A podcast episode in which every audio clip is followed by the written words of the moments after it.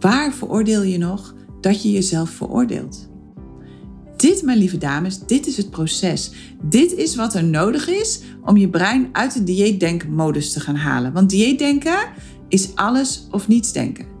Dieetdenken is een survival modus van je brein. En de enige manier om daaruit te komen is door het woord misschien te gaan toevoegen.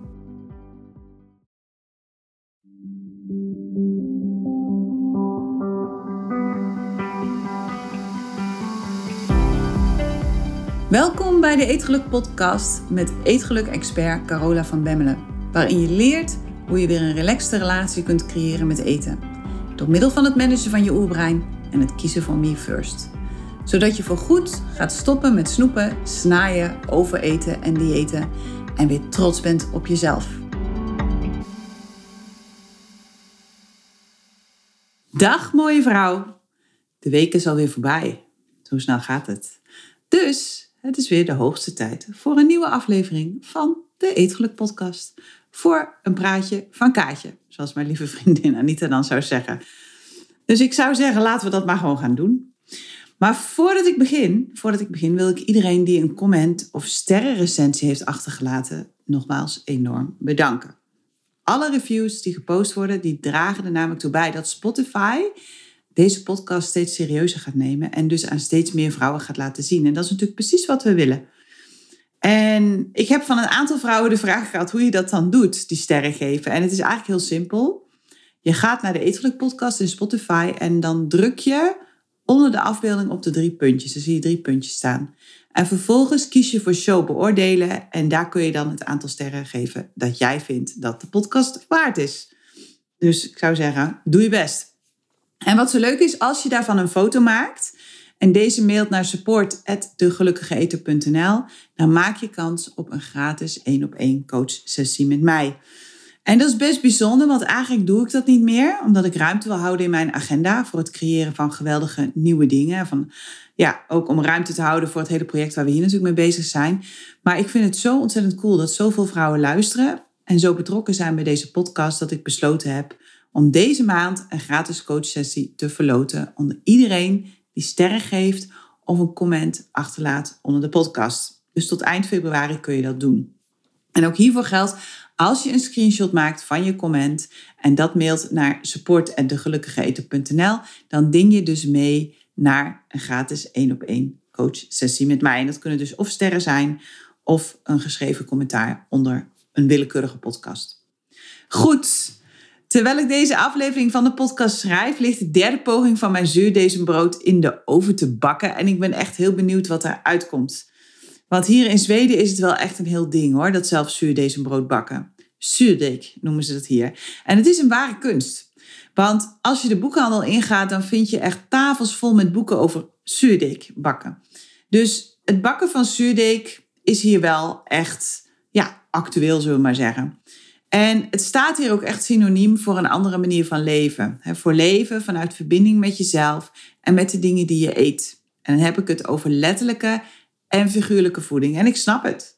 Want wanneer je echt een goed zuurdesembrood hebt gegeten, en dat zijn nog niet mijn broden, maar bij een echt goede bakker gekocht, dan is fabrieksbrood echt super saai en super doods.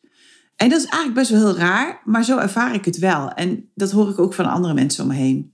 En zoals je misschien wel weet, ben ik geen voorstander van tarwe. Dus ik ben heel druk in het weer met het maken van een speldzuur deze brood. En dat is echt wel een heel gedoe. Maar goed, als het dan lukt, met de nadruk op als, dan is het natuurlijk wel dubbel genieten.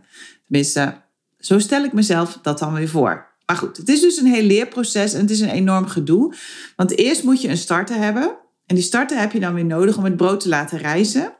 En wat de bacteriën in de starter ook doen, is dat ze een deel van het voorverteringsproces voor hun rekening nemen, waardoor de meeste gluten in het brood al zijn opgegeten voordat het brood in de oven gaat. Het is dus eigenlijk gewoon een levend ding.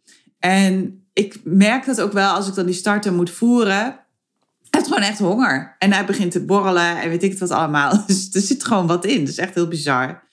Maar goed, vervolgens moet je eindeloos vaak dat brood kneden en weer laten rusten en weer laten kneden en weer laten rusten en weer kneden en weer rusten. En mijn ongeduldige brein vindt dat maar helemaal niks. Weet je, mijn brein is meer de even snel een broodje bakken. En als dat dan niet gelijk lukt, ja, dan maar niet. Dus toen ik vorige week mijn eerste mislukte broden uit de oven haalde, echt werkelijk waar, echt, je kon er een moord mee plegen. En Danny stond echt zo te kijken zo van, ja, moet ik nou zeggen dat ze wel oké zijn? Of kan ik zeggen dat het eigenlijk toch nog niet echt wat is? Dus was echt in grote twijfel. Maar goed, ze waren echt keihard, dus ik baalde en ik dacht gelijk, nou, weet je, dan maar niet. Ik haal ze wel bij de bakker. Ik ga dit nooit leren. Maar inmiddels weet ik natuurlijk dat dit gewoon mijn brein is, dat een teleurstelling wil voorkomen en doe ik daar verder weinig mee, behalve heel bewust een andere gedachte denken. namelijk de gedachte, ooit gaat het me lukken, ik ga dit nelen, al moet ik er tien jaar over doen en het hoeft ook niet meteen vandaag goed te gaan. want het lijkt me gewoon ontzettend cool om mijn eigen brood te kunnen bakken dus dat is waar ik op focus iedere keer als mijn brein de andere kant op wil. Iedere keer als mijn brein zegt, joh, waarom doe je zo moeilijk? Ga toch gewoon naar de bakker. Zoveel heb je toch ook weer niet nodig. en het punt is ook, een echt goed zuurdezenbrood van de biologische bakker. Daar moet ik eerst een half uur rijden naar de dichtstbijzijnde plaats. Dan moet ik de auto parkeren, heel gedoe. En dan betaal ik rond de 7 euro per brood. En een zelfgebakken zuurdezenbrood hoef ik niet voor te rijden.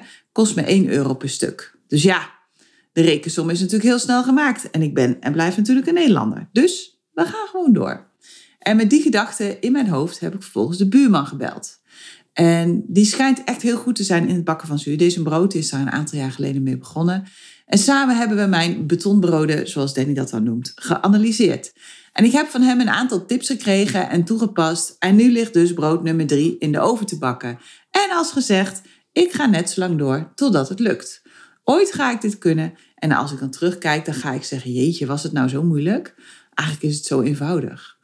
En misschien heb je dat nu ook wel met je eetgedrag. En misschien vraag je je ook af of het ooit gaat lukken om weer een relaxte relatie te creëren met eten. Of je dit ooit gaat nelen.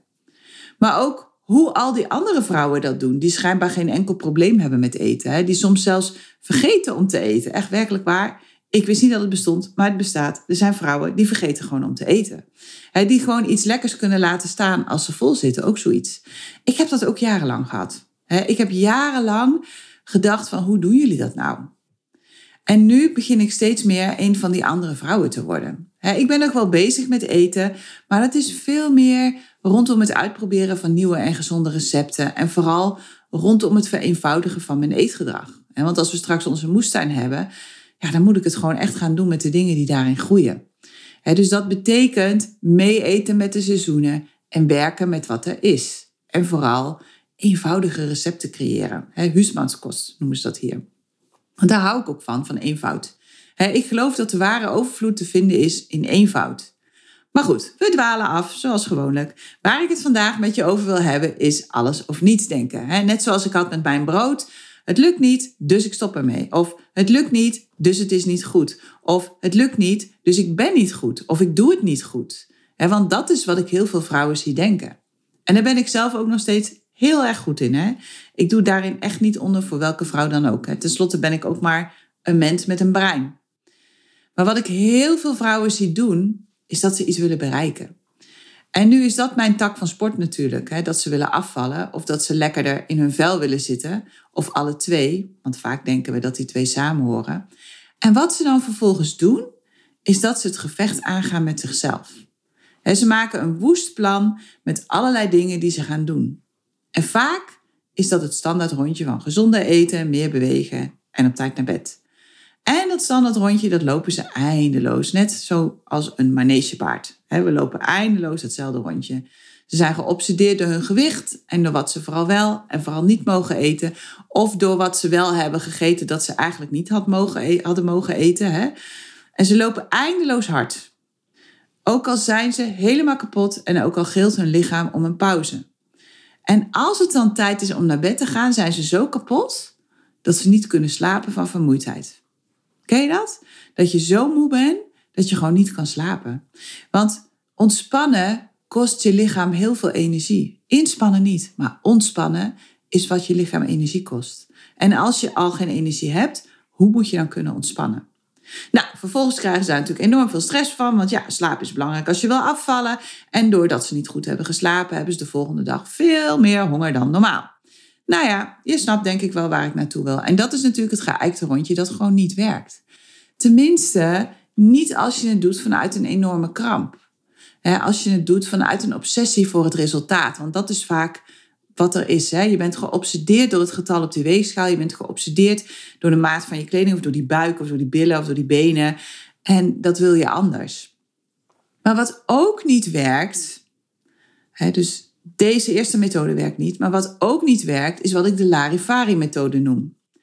En daarmee bedoel ik dat je denkt: fuck it, ik stop ermee. En ze nemen me maar gewoon zoals ik ben. Ik ben toch helemaal goed. Waarom moet ik dit doen? Bladibladibla.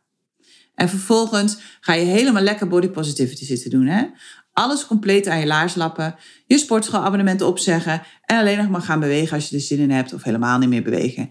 En tegen jezelf zeggen dat je mooi bent terwijl je er geen zak van gelooft. Of beginnen aan intuïtief eten en vervolgens alles eten wat los en vast zit. Vanuit het geloof dat het dan wel weer in balans gaat komen. In beide gevallen, bij beide opties, laat je jezelf in de steek. In het eerste geval ga je het gevecht aan met jezelf en in het tweede geval neem je jezelf niet serieus. Het tweede geval doet me ook een beetje denken aan je kind op de wereld zetten en vervolgens denken, nou je redt het wel hè? Je bent mooi en prachtig en je weet alles al, dus het komt wel goed toch? Als je me nodig hebt, dan bel maar. Maar dit is wel wat heel veel vrouwen doen. Hè? Veel vrouwen dansen heen en weer tussen deze twee uitersten. Het is een soort van crazy eight. En als je niet bezig bent met het ene, dan ben je bezig met het andere. En waarom? Alleen maar omdat je denkt dat je er goed uit moet zien voordat je je goed kan voelen. Omdat je denkt dat je heel veel moet doen om heel veel te bereiken. Omdat je denkt dat je alleen maar door hard te werken een goed resultaat kunt bereiken. En dat komt omdat je brein gevangen zit in alles of niets denken. En ik wil je graag een andere manier aanreiken. Ik wil je aanreiken om niet meer in alles of niets te denken, maar om te gaan denken in misschien. En misschien is de manier om een brug te bouwen tussen alles of niets. Misschien is de manier om los te breken uit die crazy eight. Uit of het een doen of het ander doen. Of heel fanatiek of fuck it. Misschien helpt je brein om te gaan denken in mogelijkheden in plaats van in absolute waarheden of absolute onwaarheden. Misschien hoef je niet eerst af te vallen voordat je lekker in je vel kunt zitten. Misschien kun je ook op een andere manier je doel bereiken. Misschien is er iets heel anders nodig dan het volgende dieet. Misschien kun je ook sporten gaan volgen die je leuk vindt met als doel plezier in plaats van afvallen. Misschien zie je iets over het hoofd en heb je hulp of tips nodig. En misschien wil je wel veel te snel. Misschien denk je dat het moeilijk is, maar is het eigenlijk heel makkelijk? Maar omdat je de hele tijd maar tegen jezelf zit te vertellen, het is zo moeilijk en het lukt niet en het is ingewikkeld en wat doe ik verkeerd en weet ik het wat, is dat waar je brein bewijs voor gaat zoeken. En misschien is het verschil tussen alles of niets. Misschien helpt je om te stoppen met struggelen en vechten met jezelf. Misschien helpt je brein om te gaan denken in mogelijkheden. Misschien helpt je brein om niet in de valkuil te stappen van de volgende strijd met jezelf. En want dat is waar je brein heel goed in is. Als iets niet lukt, dan moet je nog harder gaan werken. Nog minder gaan eten, nog meer gaan trainen, nog strenger zijn voor jezelf. Maar op een gegeven moment kom je op een punt dat dit niet meer gaat. Dat je gewoon alles hebt gegeven, dat je op bent. En dat is dan vaak het moment dat je opgeeft en vervolgens naar de totaal andere kant springt, naar de Larifari-kant. Met gedachten als, dit gaat me toch nooit lukken. Oh, ik loop zo ontzettend achter. Ik heb niet genoeg tijd. Wanneer moet ik alles in godsvreze naam doen? Ach, morgen kan ik uitrusten, nu moet ik gewoon even doorpakken. Ik kan me dit gewoon niet veroorloven. Als ik dit af heb, dan ga ik iets leuks doen. Ik ga het gewoon nooit redden allemaal. Het is gewoon te veel. En wanneer je niet langer meer wilt strijden met jezelf, wanneer je jezelf wilt bevrijden uit die dieetspiraal, weet dan dat je brein daar moeite mee heeft. En je brein houdt niet van misschien. Je brein houdt van zekerheid. En alles of niets geeft die zekerheid. Dus je brein zal altijd die kant op willen. Omdat je nog niet begrijpt dat misschien de weg is naar blijvende verandering. Het zal er daarom voor zorgen dat je steeds opnieuw jezelf druk maakt om het getal op de weegschaal. Of weer het volgende rondje body positivity of intuïtief eten gaat lopen. Zelfs als je merkt dat je broek steeds strakker gaat zitten. misschien is dus de derde optie. Misschien zorg ervoor dat je ruimte gaat creëren voor het proces dat nodig is om de verbinding met jezelf te herstellen. Zodat je vanuit die verbinding met jezelf de beslissingen kunt maken die nodig zijn. Maar ook constant kunt blijven bijsturen. En misschien helpt je om wanneer de resultaten uitblijven of wanneer de resultaten tegenvallen, te blijven zoeken naar de dingen die je misschien nog over het hoofd hebt gezien. Het helpt je om te blijven geloven in het feit dat je dit kunt. Dat het je ooit gaat lukken. En ieder ding dat je opmerkt dat je misschien nog kunt verbeteren, dat pak je op en ga je verbeteren. En misschien helpt je om de focus te verleggen van het resultaat naar het proces van iedere dag opnieuw jezelf verbeteren. Het gaat erom dat je blijft geloven in jezelf. Dat je erin blijft geloven dat het je ooit gaat lukken. En dat je de manier gaat vinden die werkt voor jou. En net zoals ik nu doe met mijn Brood project. Ik noem het inmiddels maar een project. Als dit brood niet lukt, dan baal ik natuurlijk even stevig. Maar ik neem het hele proces opnieuw door met mezelf en kijk wat ik kan verbeteren. En dat ga ik dan weer anders doen. Ik blijf erin geloven dat ik het kan. Ik bedoel, als de buurman het kan en als mijn beste vriendin het kan en als zoveel andere vrouwen het kunnen, dan kan ik het ook. En vanuit het geloof dat het ooit gaat lukken, blijf ik mezelf aansporen om door te blijven gaan. Zonder dat ik van mezelf, ja, dat ik boos word op mezelf of dat ik het gevecht met mezelf aanga. En dat ik in de larifari-houding schiet van ja, dan maar niet, ik ga wel naar de bakker. het punt met vechten met jezelf of jezelf onder stress zetten, is dat het ervoor zorgt dat je geen toegang meer hebt tot je mensenbrein. Het vechten en stress zijn voor je oerbrein signalen dat je in gevaar bent. En zodra het dus merkt dat je je zo voelt, dan zal het de leiding gaan overnemen. Waardoor je in vecht-vluchtmodus terechtkomt. En dat activeert survival denken, oftewel alles of niets denken. En dat gaat dus gewoon niet werken. Maar wanneer je gaat kijken naar wat het probleem nu werkelijk is en waar je niet aan je eigen verwachtingen voldoet, dan kun je het op gaan lossen. Dan kun je iedere keer kijken naar wat er aan de hand is en waarom het misschien niet werkt. Maar wat dan wel ja, belangrijk is, wat het wel van je vraagt, is dat je super eerlijk durft te zijn naar jezelf. je denkt misschien dat je je keurig aan je eetplan hebt gehouden, maar is dit ook echt het geval?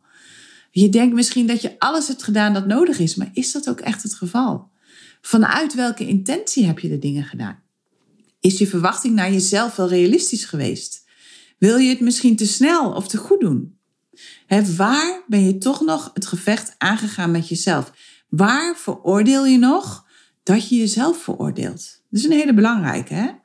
Waar veroordeel je nog dat je jezelf veroordeelt? Dit, mijn lieve dames, dit is het proces. Dit is wat er nodig is om je brein uit de dieetdenkmodus te gaan halen. Want dieetdenken is alles of niets denken. Dieetdenken is een survival modus van je brein. En de enige manier om daaruit te komen is door het woord misschien te gaan toevoegen. Misschien helpt je om de brug te maken tussen alles of niets. iedere keer als je merkt dat iets niet lukt, vraag jezelf dan af of er misschien iets is dat je anders zou kunnen doen. Misschien kun je het probleem anders benaderen. Misschien is het niet eens een probleem. Misschien kun je andere gedachten gaan denken over het probleem. En nogmaals, het kan ook een kans zijn. Misschien kun je vragen om hulp. Misschien kun je het op een andere manier proberen. En vervolgens ga je het doen. Net zolang tot je merkt dat het gaat werken voor jou. Net zolang tot je resultaten gaat zien. En voordat je nu denkt dat het aan klaar is, helaas pindakaas, dit is de School of Life. En dat betekent dat wanneer je een les hebt geleerd, dat de volgende les gewoon alweer voor de deur staat te kloppen. Of dat wanneer je een doel bereikt hebt, dat het volgende doel zich weer aandient. En die doelen die worden steeds uitdagender naarmate jij als persoon je ontwikkelt. Maar net zoals jij je ontwikkelt, ontwikkelt de wereld zich ook. Dus wat misschien tien jaar geleden perfect werkte, werkt nu weer heel anders. Er zijn andere technologieën, andere opvattingen, andere inzichten. En ook jij hebt weer een ander doel. Jij bent ook een andere persoon dan tien jaar geleden. En wanneer je de dingen gaat oppakken vanuit vechten met jezelf, zal je brein weer in alles of niets willen gaan denken. Dat is standaard wat er gebeurt. Het gaat er dus om dat je echt gaat geloven dat je iets kunt. Want dat zorgt er uiteindelijk voor dat je het werk gaat doen dat nodig is om het te realiseren. En wanneer je jouw doel zodanig aan je brein presenteert dat je brein gelooft dat je het kunt, dan zal het je gaan helpen om al die kleine dingen te doen die nodig zijn om je doel te bereiken. En je zult dan iedere stap die nodig is in dit proces vol vertrouwen gaan zetten. Wanneer je echter je doel als een soort van onmogelijk iets hebt verkocht aan je brein, ja, dan zal het ervoor zorgen dat je bij het minst of geringste, de minst of geringste scheet die dwars zit, zult denken, ja, ik doe het wel een andere keer, lekker belangrijk. En we weten natuurlijk allemaal dat er nooit een andere keer komt. dus als het gaat om het bereiken van je doel, dan is het belangrijk dat je het woord misschien gaat gebruiken. Misschien gaat je helpen om de lessen te halen uit alle dingen die je doet. Om jezelf constant te verbeteren en uiteindelijk worden alle traptreden onderweg naar je doel gevormd door een optelsom van alle ervaringen die je hebt opgedaan.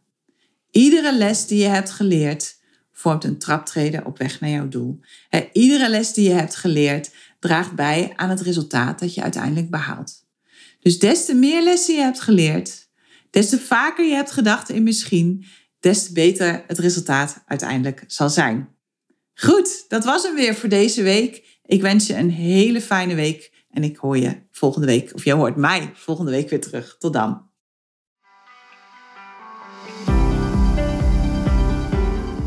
Hey, als je het fijn vond om naar deze podcast te luisteren, deel hem dan vooral met alle andere vrouwen in jouw omgeving waarvan je denkt dat ze er wat aan kunnen hebben.